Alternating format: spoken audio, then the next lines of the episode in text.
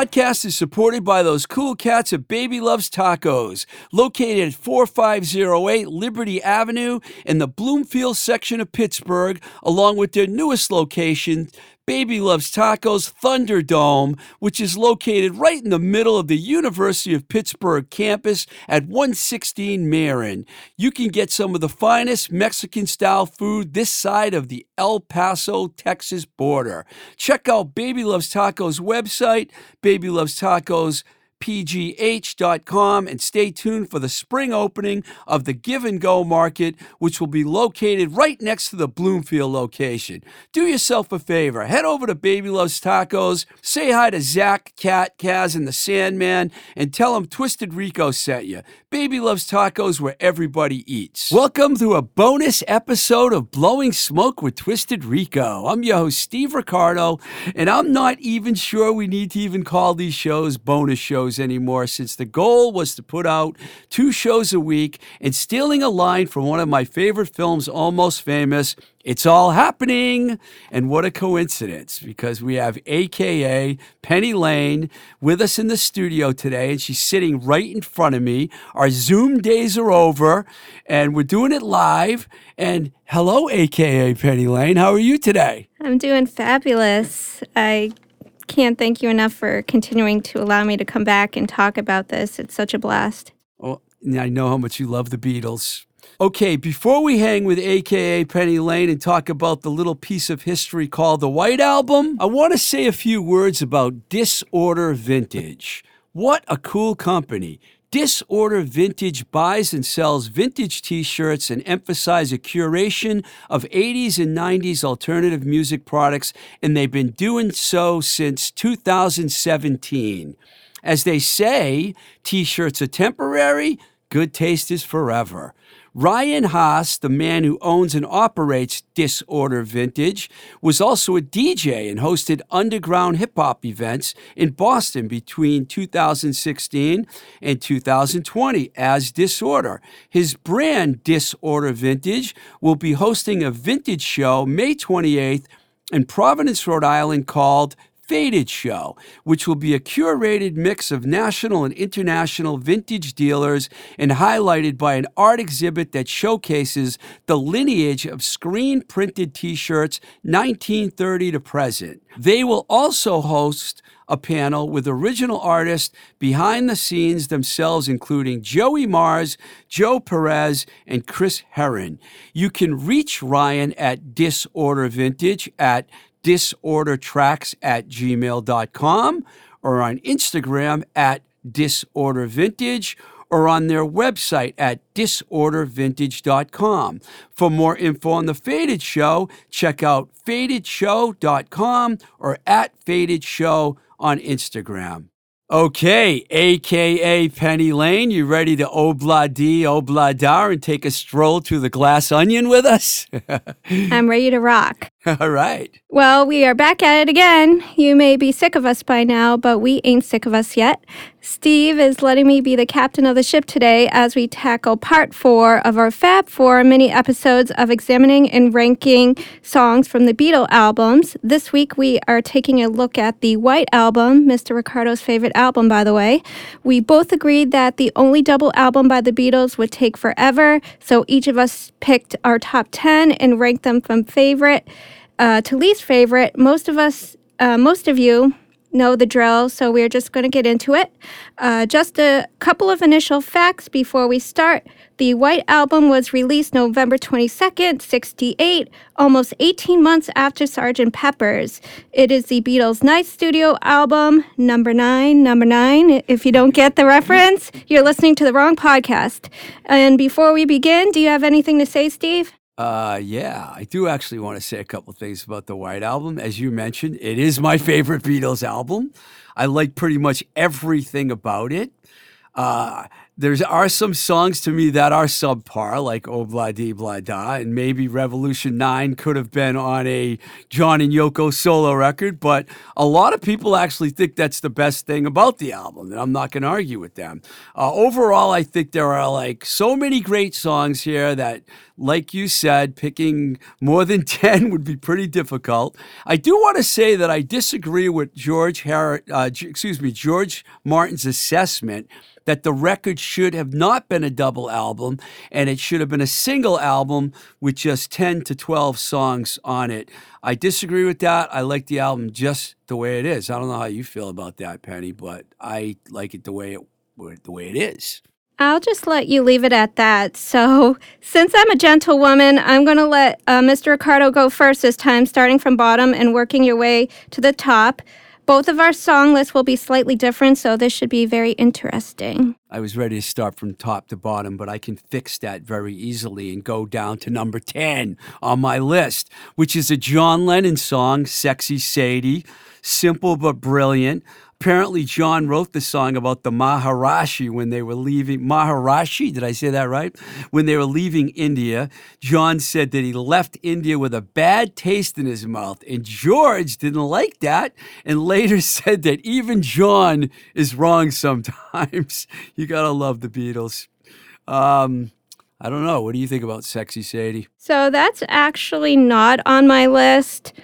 It's a it's a good song, but nothing I would consider top 10 worthy. But like I said, both of our lists will be slightly different, so keep things interesting. Okay. Uh, number nine, number nine, number nine. I was going to do that before you did it, by the way. I have Back in the USSR, Paul McCartney track. It, I thought it was a great way to start the record, and another example of how every song on the record isn't a doesn't have to be a classic, you know. But this one I thought was good song. Paul actually plays the drums on it, not Ringo, which I thought was an interesting fact about that. So for me, uh, back in the USSR is ranked number six. Uh, unfortunately, it's slightly prevalent right now with all the bullshit going on with Russia, but it's basically about a Russian spy, Paul McCartney said, who was in America for a long time undercover and adapted the American lifestyle. So I thought that was pretty interesting. Bringing politics into it. Nothing wrong with that. I'm not happy about what's going on there. Uh, number eight, I got a George Harrison tune, Savoy Truffle. Very cool number from George. Uh, John does not play on this track at all, which is not really surprising because that happened on several tracks on the White Album. And uh, it actually goes all the way back to Eleanor Rigby because I believe that Paul was the only member that played on Eleanor Rigby, and it was an orchestra section with him.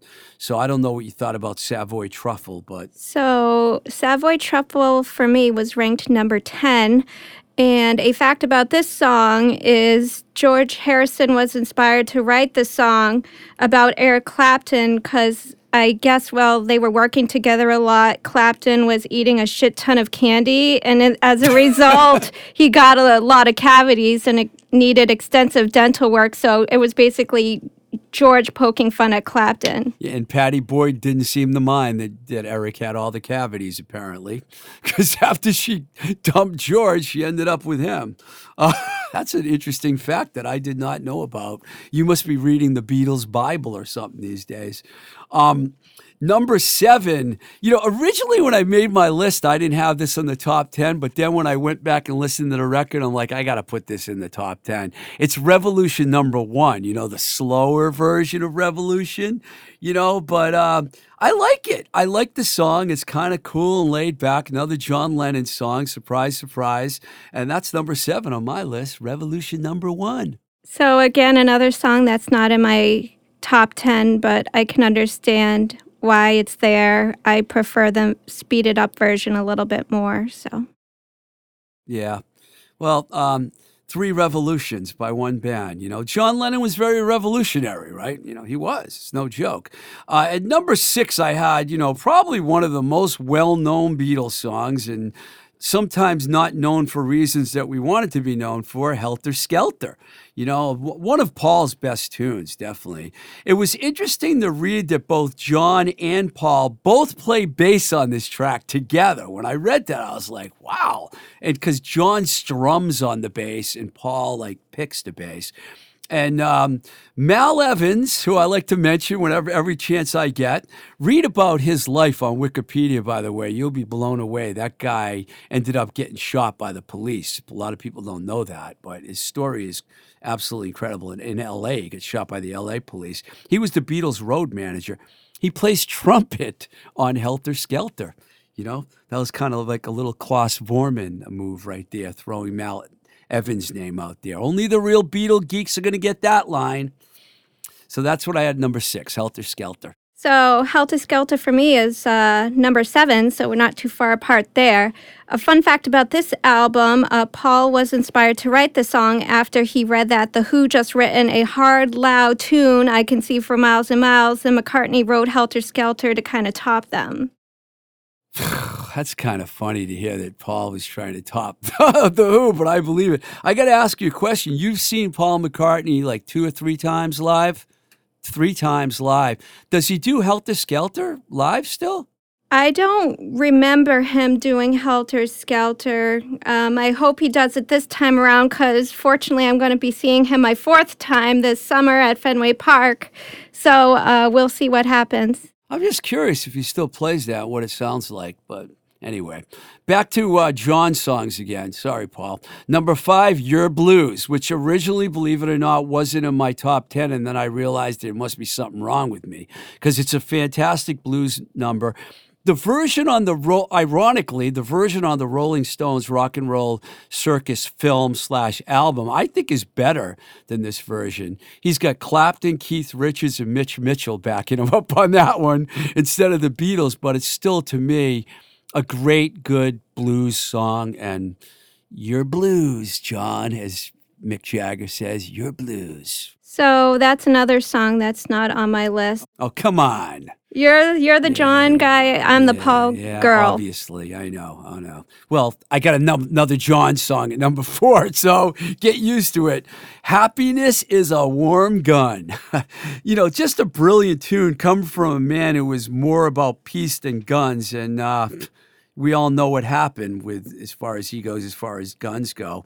Uh, there are a lot of different attempts to explain what the song is about, but from what I read, John apparently saw a gun magazine, saw the title on the cover, took the title. It was a, it was no way it was in no way to, gl- to to glorify the use of guns, and the irony, of course, was that you know John was later killed with a gun, but it's still one of the best Beatles songs all all around, not just on this album, and number four for me on the White Album. So, Happiness is a Warm Gun for me is actually number two. Wow. I love, I love, I love the song. So he described the imagery of the lyrics is se- the sexual passion he had for Yoko Ono, which I can understand if you really listen to the lyrics. It's like the Kiss song Love Gun. It's the same kind of concept. And it's actually Paul McCartney's favorite song from the White Album. It is. I was a little worried about where you were going when you brought up sex and Yoko Ono, but you know, I'm glad we didn't go too far with that one. But anyway, it's like yeah, it's a great song, and I'm glad we both had it in the top five. Uh, number three, you know, another John song. Sorry, I can't help myself. Glass Onion. Um, John adding more fuel to the Paul is dead fire, a topic that, you know, I like to bring up often. Uh, you know, with his famous line, the walrus was Paul, you know, um, I just love the lyrical content of this song. It's just a really beautiful song from start to finish, the way John wrote it. And it, one of his more clever songs. And that's saying a lot because John Lennon wrote a lot of clever tunes. So for me, Glass Onion is ranked number nine. Number nine. Number nine. Yes. And a little tidbit about this song is John loved the name so much he wanted to uh, name a band that was signed to Apple Records Glass Onion, but in the end, they settled uh, Badfinger. Oh, I didn't know you were going there. they were uh, called the Iveys actually before they were Badfinger, and that's how that came up because someone there was another band called the Iveys, I believe. I don't know. This I don't know where bad. That's a good question. We're gonna have to look that up. How did they come up with Badfinger? We all know what the bad finger is. We're not on video, so no no one can see me sticking my middle finger up. But of course, the Straight Up album, you know, Badfinger, produced by George, by the way, and Todd Rundgren. Um, well, we're coming down to the wire here. Number two and, you know, it, it was, you know, it, it, wasn't hard for me to pick one and two because number one's my favorite Beatles song. But number two, another John song, Dear Prudence. It's to me one of the best five Beatles songs, period. Famously written about Prudence Farrow, Mia Farrow's sister, while they were all in India hanging around with the Maharishi I think I said it right that time. I love the bass line in that song. And for someone who always is ripping Paul apart, I got to tell you, his bass lines and his background vocals are absolutely phenomenal. There is some confusion about who plays what on this song, though, because if you actually look on the liner notes, it says that Ringo plays on it, but a lot of people have said publicly that Paul plays the drums on the song. It's really a non issue because everyone knows that Paul McCartney is a great musician and play every instrument. But I really would love to know who actually played drums on the song. And I wish someone like Stern or whoever gets to interview him would actually ask him that, not say, "Oh, is it true that Yoko broke up the Beatles?" Like they always ask that stupid question. And didn't we settle that already? How about who played friggin' drums on some of these songs? That's what I want to know. Number two, Dear Prudence. So for me, Dear Prudence is number five. A few facts about this, uh, just to pick up where you left off. Uh, around that time, Ringo did quit the band for about two weeks. He took actor Peter Sellers, he was in the Pink Panther and Doctor Strangelove and all that, uh, his yacht to Sardinia. So I read that McCartney ended up playing drums on this song and USSR as well. And he did. He did definitely. He does get credit on the record for back in the USSR. And another couple facts is this is John's favorite song, which I can understand after all the stuff you said.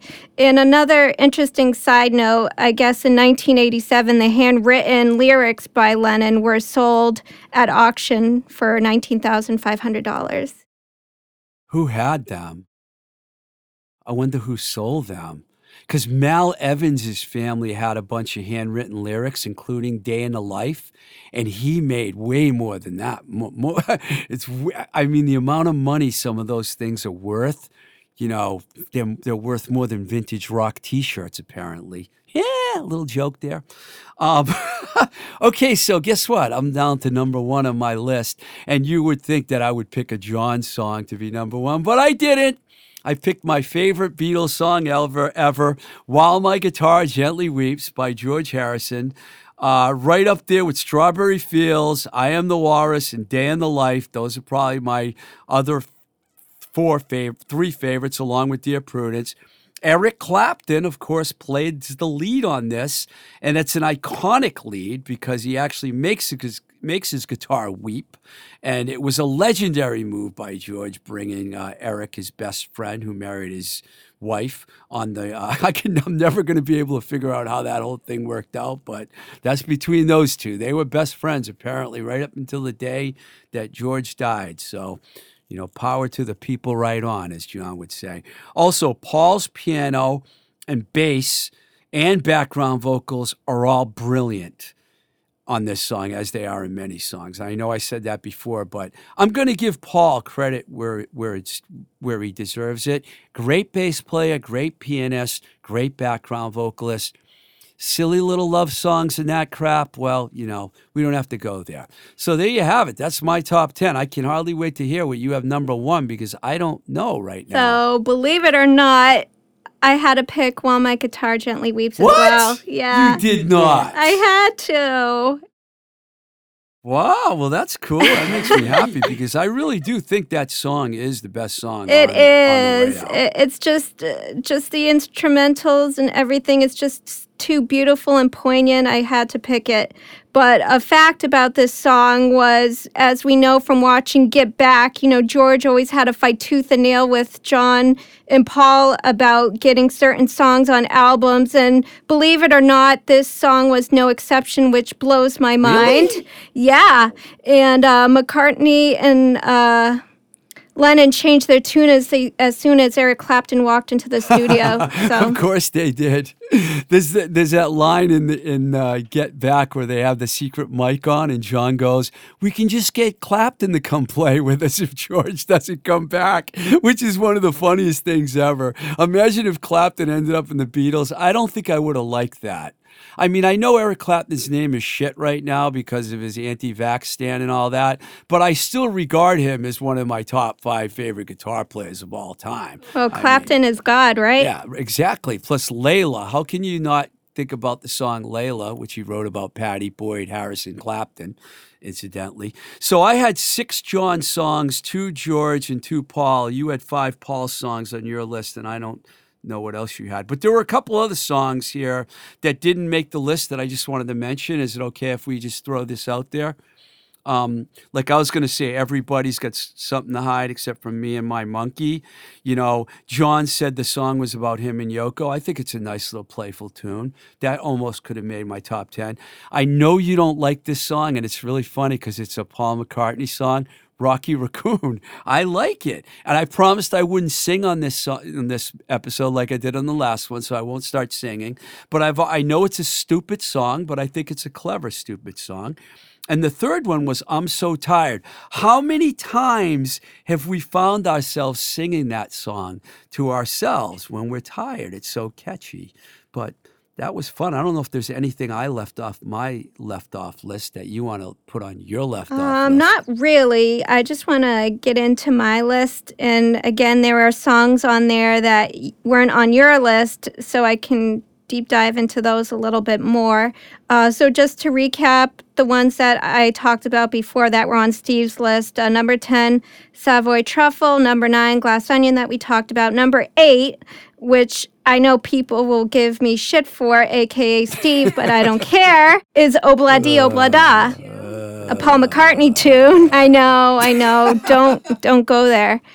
So Paul McCartney was inspired to write this song after hearing a Nigerian conga player, Jimmy Scott, who was working with Stevie Wonder at the time, use this phrase a lot. So that prompted him, Obla di Obla da. I think George Martin actually liked that song too. You know, I don't know if anyone else liked it besides them two, but or and you, but you know, I'm just kidding. Other people obviously like Uh, it. number seven, Helter Skelter, we talked about. Six, back in the USSR. Five, Dear Prudence, we talked about. Number four, which I'm surprised that wasn't on your list at all, was Blackbird. Ooh, yeah, that's a good one. See, that's what I mean about this record, you know? It's a Paul song, but it is good. Did he do that when you saw him live? Yeah, that's th- every time I've seen him, he's always done Blackbird. Yeah, it makes sense. Uh, fact about this album uh, in England, the term for a woman is bird, and with Blackbird, it's Paul referring to African American women and basically saying you are strong and resilient and don't let these civil injustices hold you down. You know, lyrics take these broken wings and learn to fly. The Beatles Really? themselves were greatly influenced by African American musicians, as we all know, Little Richard and uh, Chuck Berry and all that kind of stuff. They he were loved Little Richard. they were on the forefront of uh, civil rights, refusing to perform for segregated audiences. That's cool. That's really good. I didn't know that. Unfortunately, Charles Manson didn't get the song that way. but, you know, he misunderstood everything on this album because pe- people out there don't know about what happened. I'm, I'm sure most people do. Number three for me, a Paul song, Martha, My Dear. Didn't even mention it. I just, I love the, I love the piano playing. It's just a happy, peppy song. And a fact about this album was he actually wrote it um, in tribute to his beloved sheepdog. Yes, I knew it was about a dog. Yep. And uh, number two, Happiness is a Warm Gun, which we talked about. And number one, While My Guitar Gently Weeps. So Wow. Okay. Thank you for recapping all that. You wanted to talk about something else before we actually uh, wrap this thing up, didn't you? I did. So I know with these episodes, we normally don't discuss politics, but there's so much going on. Unfortunately, I just can't keep quiet about this. The Greg Abbotts and Ron DeSantis of this country need to back the fuck up and stop attacking LGBTQ plus community and attacking reproductive rights whatever happened to separating the church and state?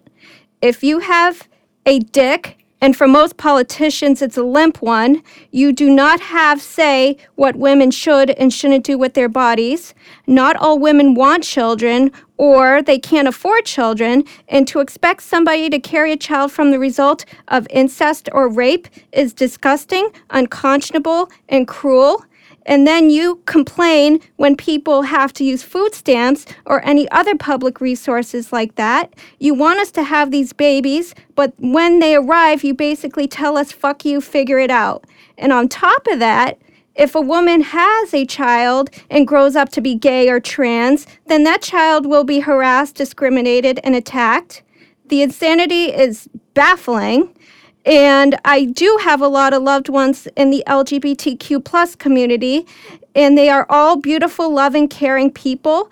And if they don't cause harm to anyone, why are you attacking them for trying to live their lives? It's hard enough already, especially for trans women of color. I can't tell you how many times I hear stories of trans women of color, especially being brutally murdered because of cisgendered white male assholes present company excluded. It's 2022. You politicians need to be put in your place and start focus, focusing on helping your constituents access health care and clean drinking water, etc., instead of attacking these groups of people for the simple reason of pleasing your wealthy Christian donors. And that's all I have to say. My rant. That was I um, you've left me almost speechless. I agree with everything you said. Actually, I do. I feel some days I just feel not good being a white middle-aged man. I'll tell you when I see what some of these politicians are doing out there. Anyway, folks, I hope you really enjoyed us talking about the Beatles. I think we have a couple more, one more thing, one more show we have to do that we're going to stick in, you know, add into our podcast here, Blowing Smoke with Twisted Rico. And, um, Thank you. Thank you again, AKA Penny Lane. Thank you so much for having me. And just a little uh, last word. Uh, me and Steve will eventually be starting our own show, and that little rant I just did will be something that will be included on that show amongst and many other interesting subjects. But I just had to get that off my chest right now. So keep your eyes out for that when things start dropping in your ears. All right. So if you enjoy listening to this podcast, you know, please consider supporting us on patreon.com forward slash twisted rico or at anchor.fm forward slash blowing smoke tr. Can also always contact me and send me music at twistedrico at gmail.com and follow us on Instagram at blowing smoke with tr and on Twitter at blowing smoke bs and also our YouTube and Facebook page. Thanks to Mike Nash for recording us, Baby Loves Tacos, Disorder Vintage for supporting us, and thank you to all you folks for taking time to listen. Till the next time we say goodbye, this is Blowing Smoke with Twisted Rico. I'm your host, Steve Ricardo. Thank you, aka Penny Lane. Keep the rock and roll alive.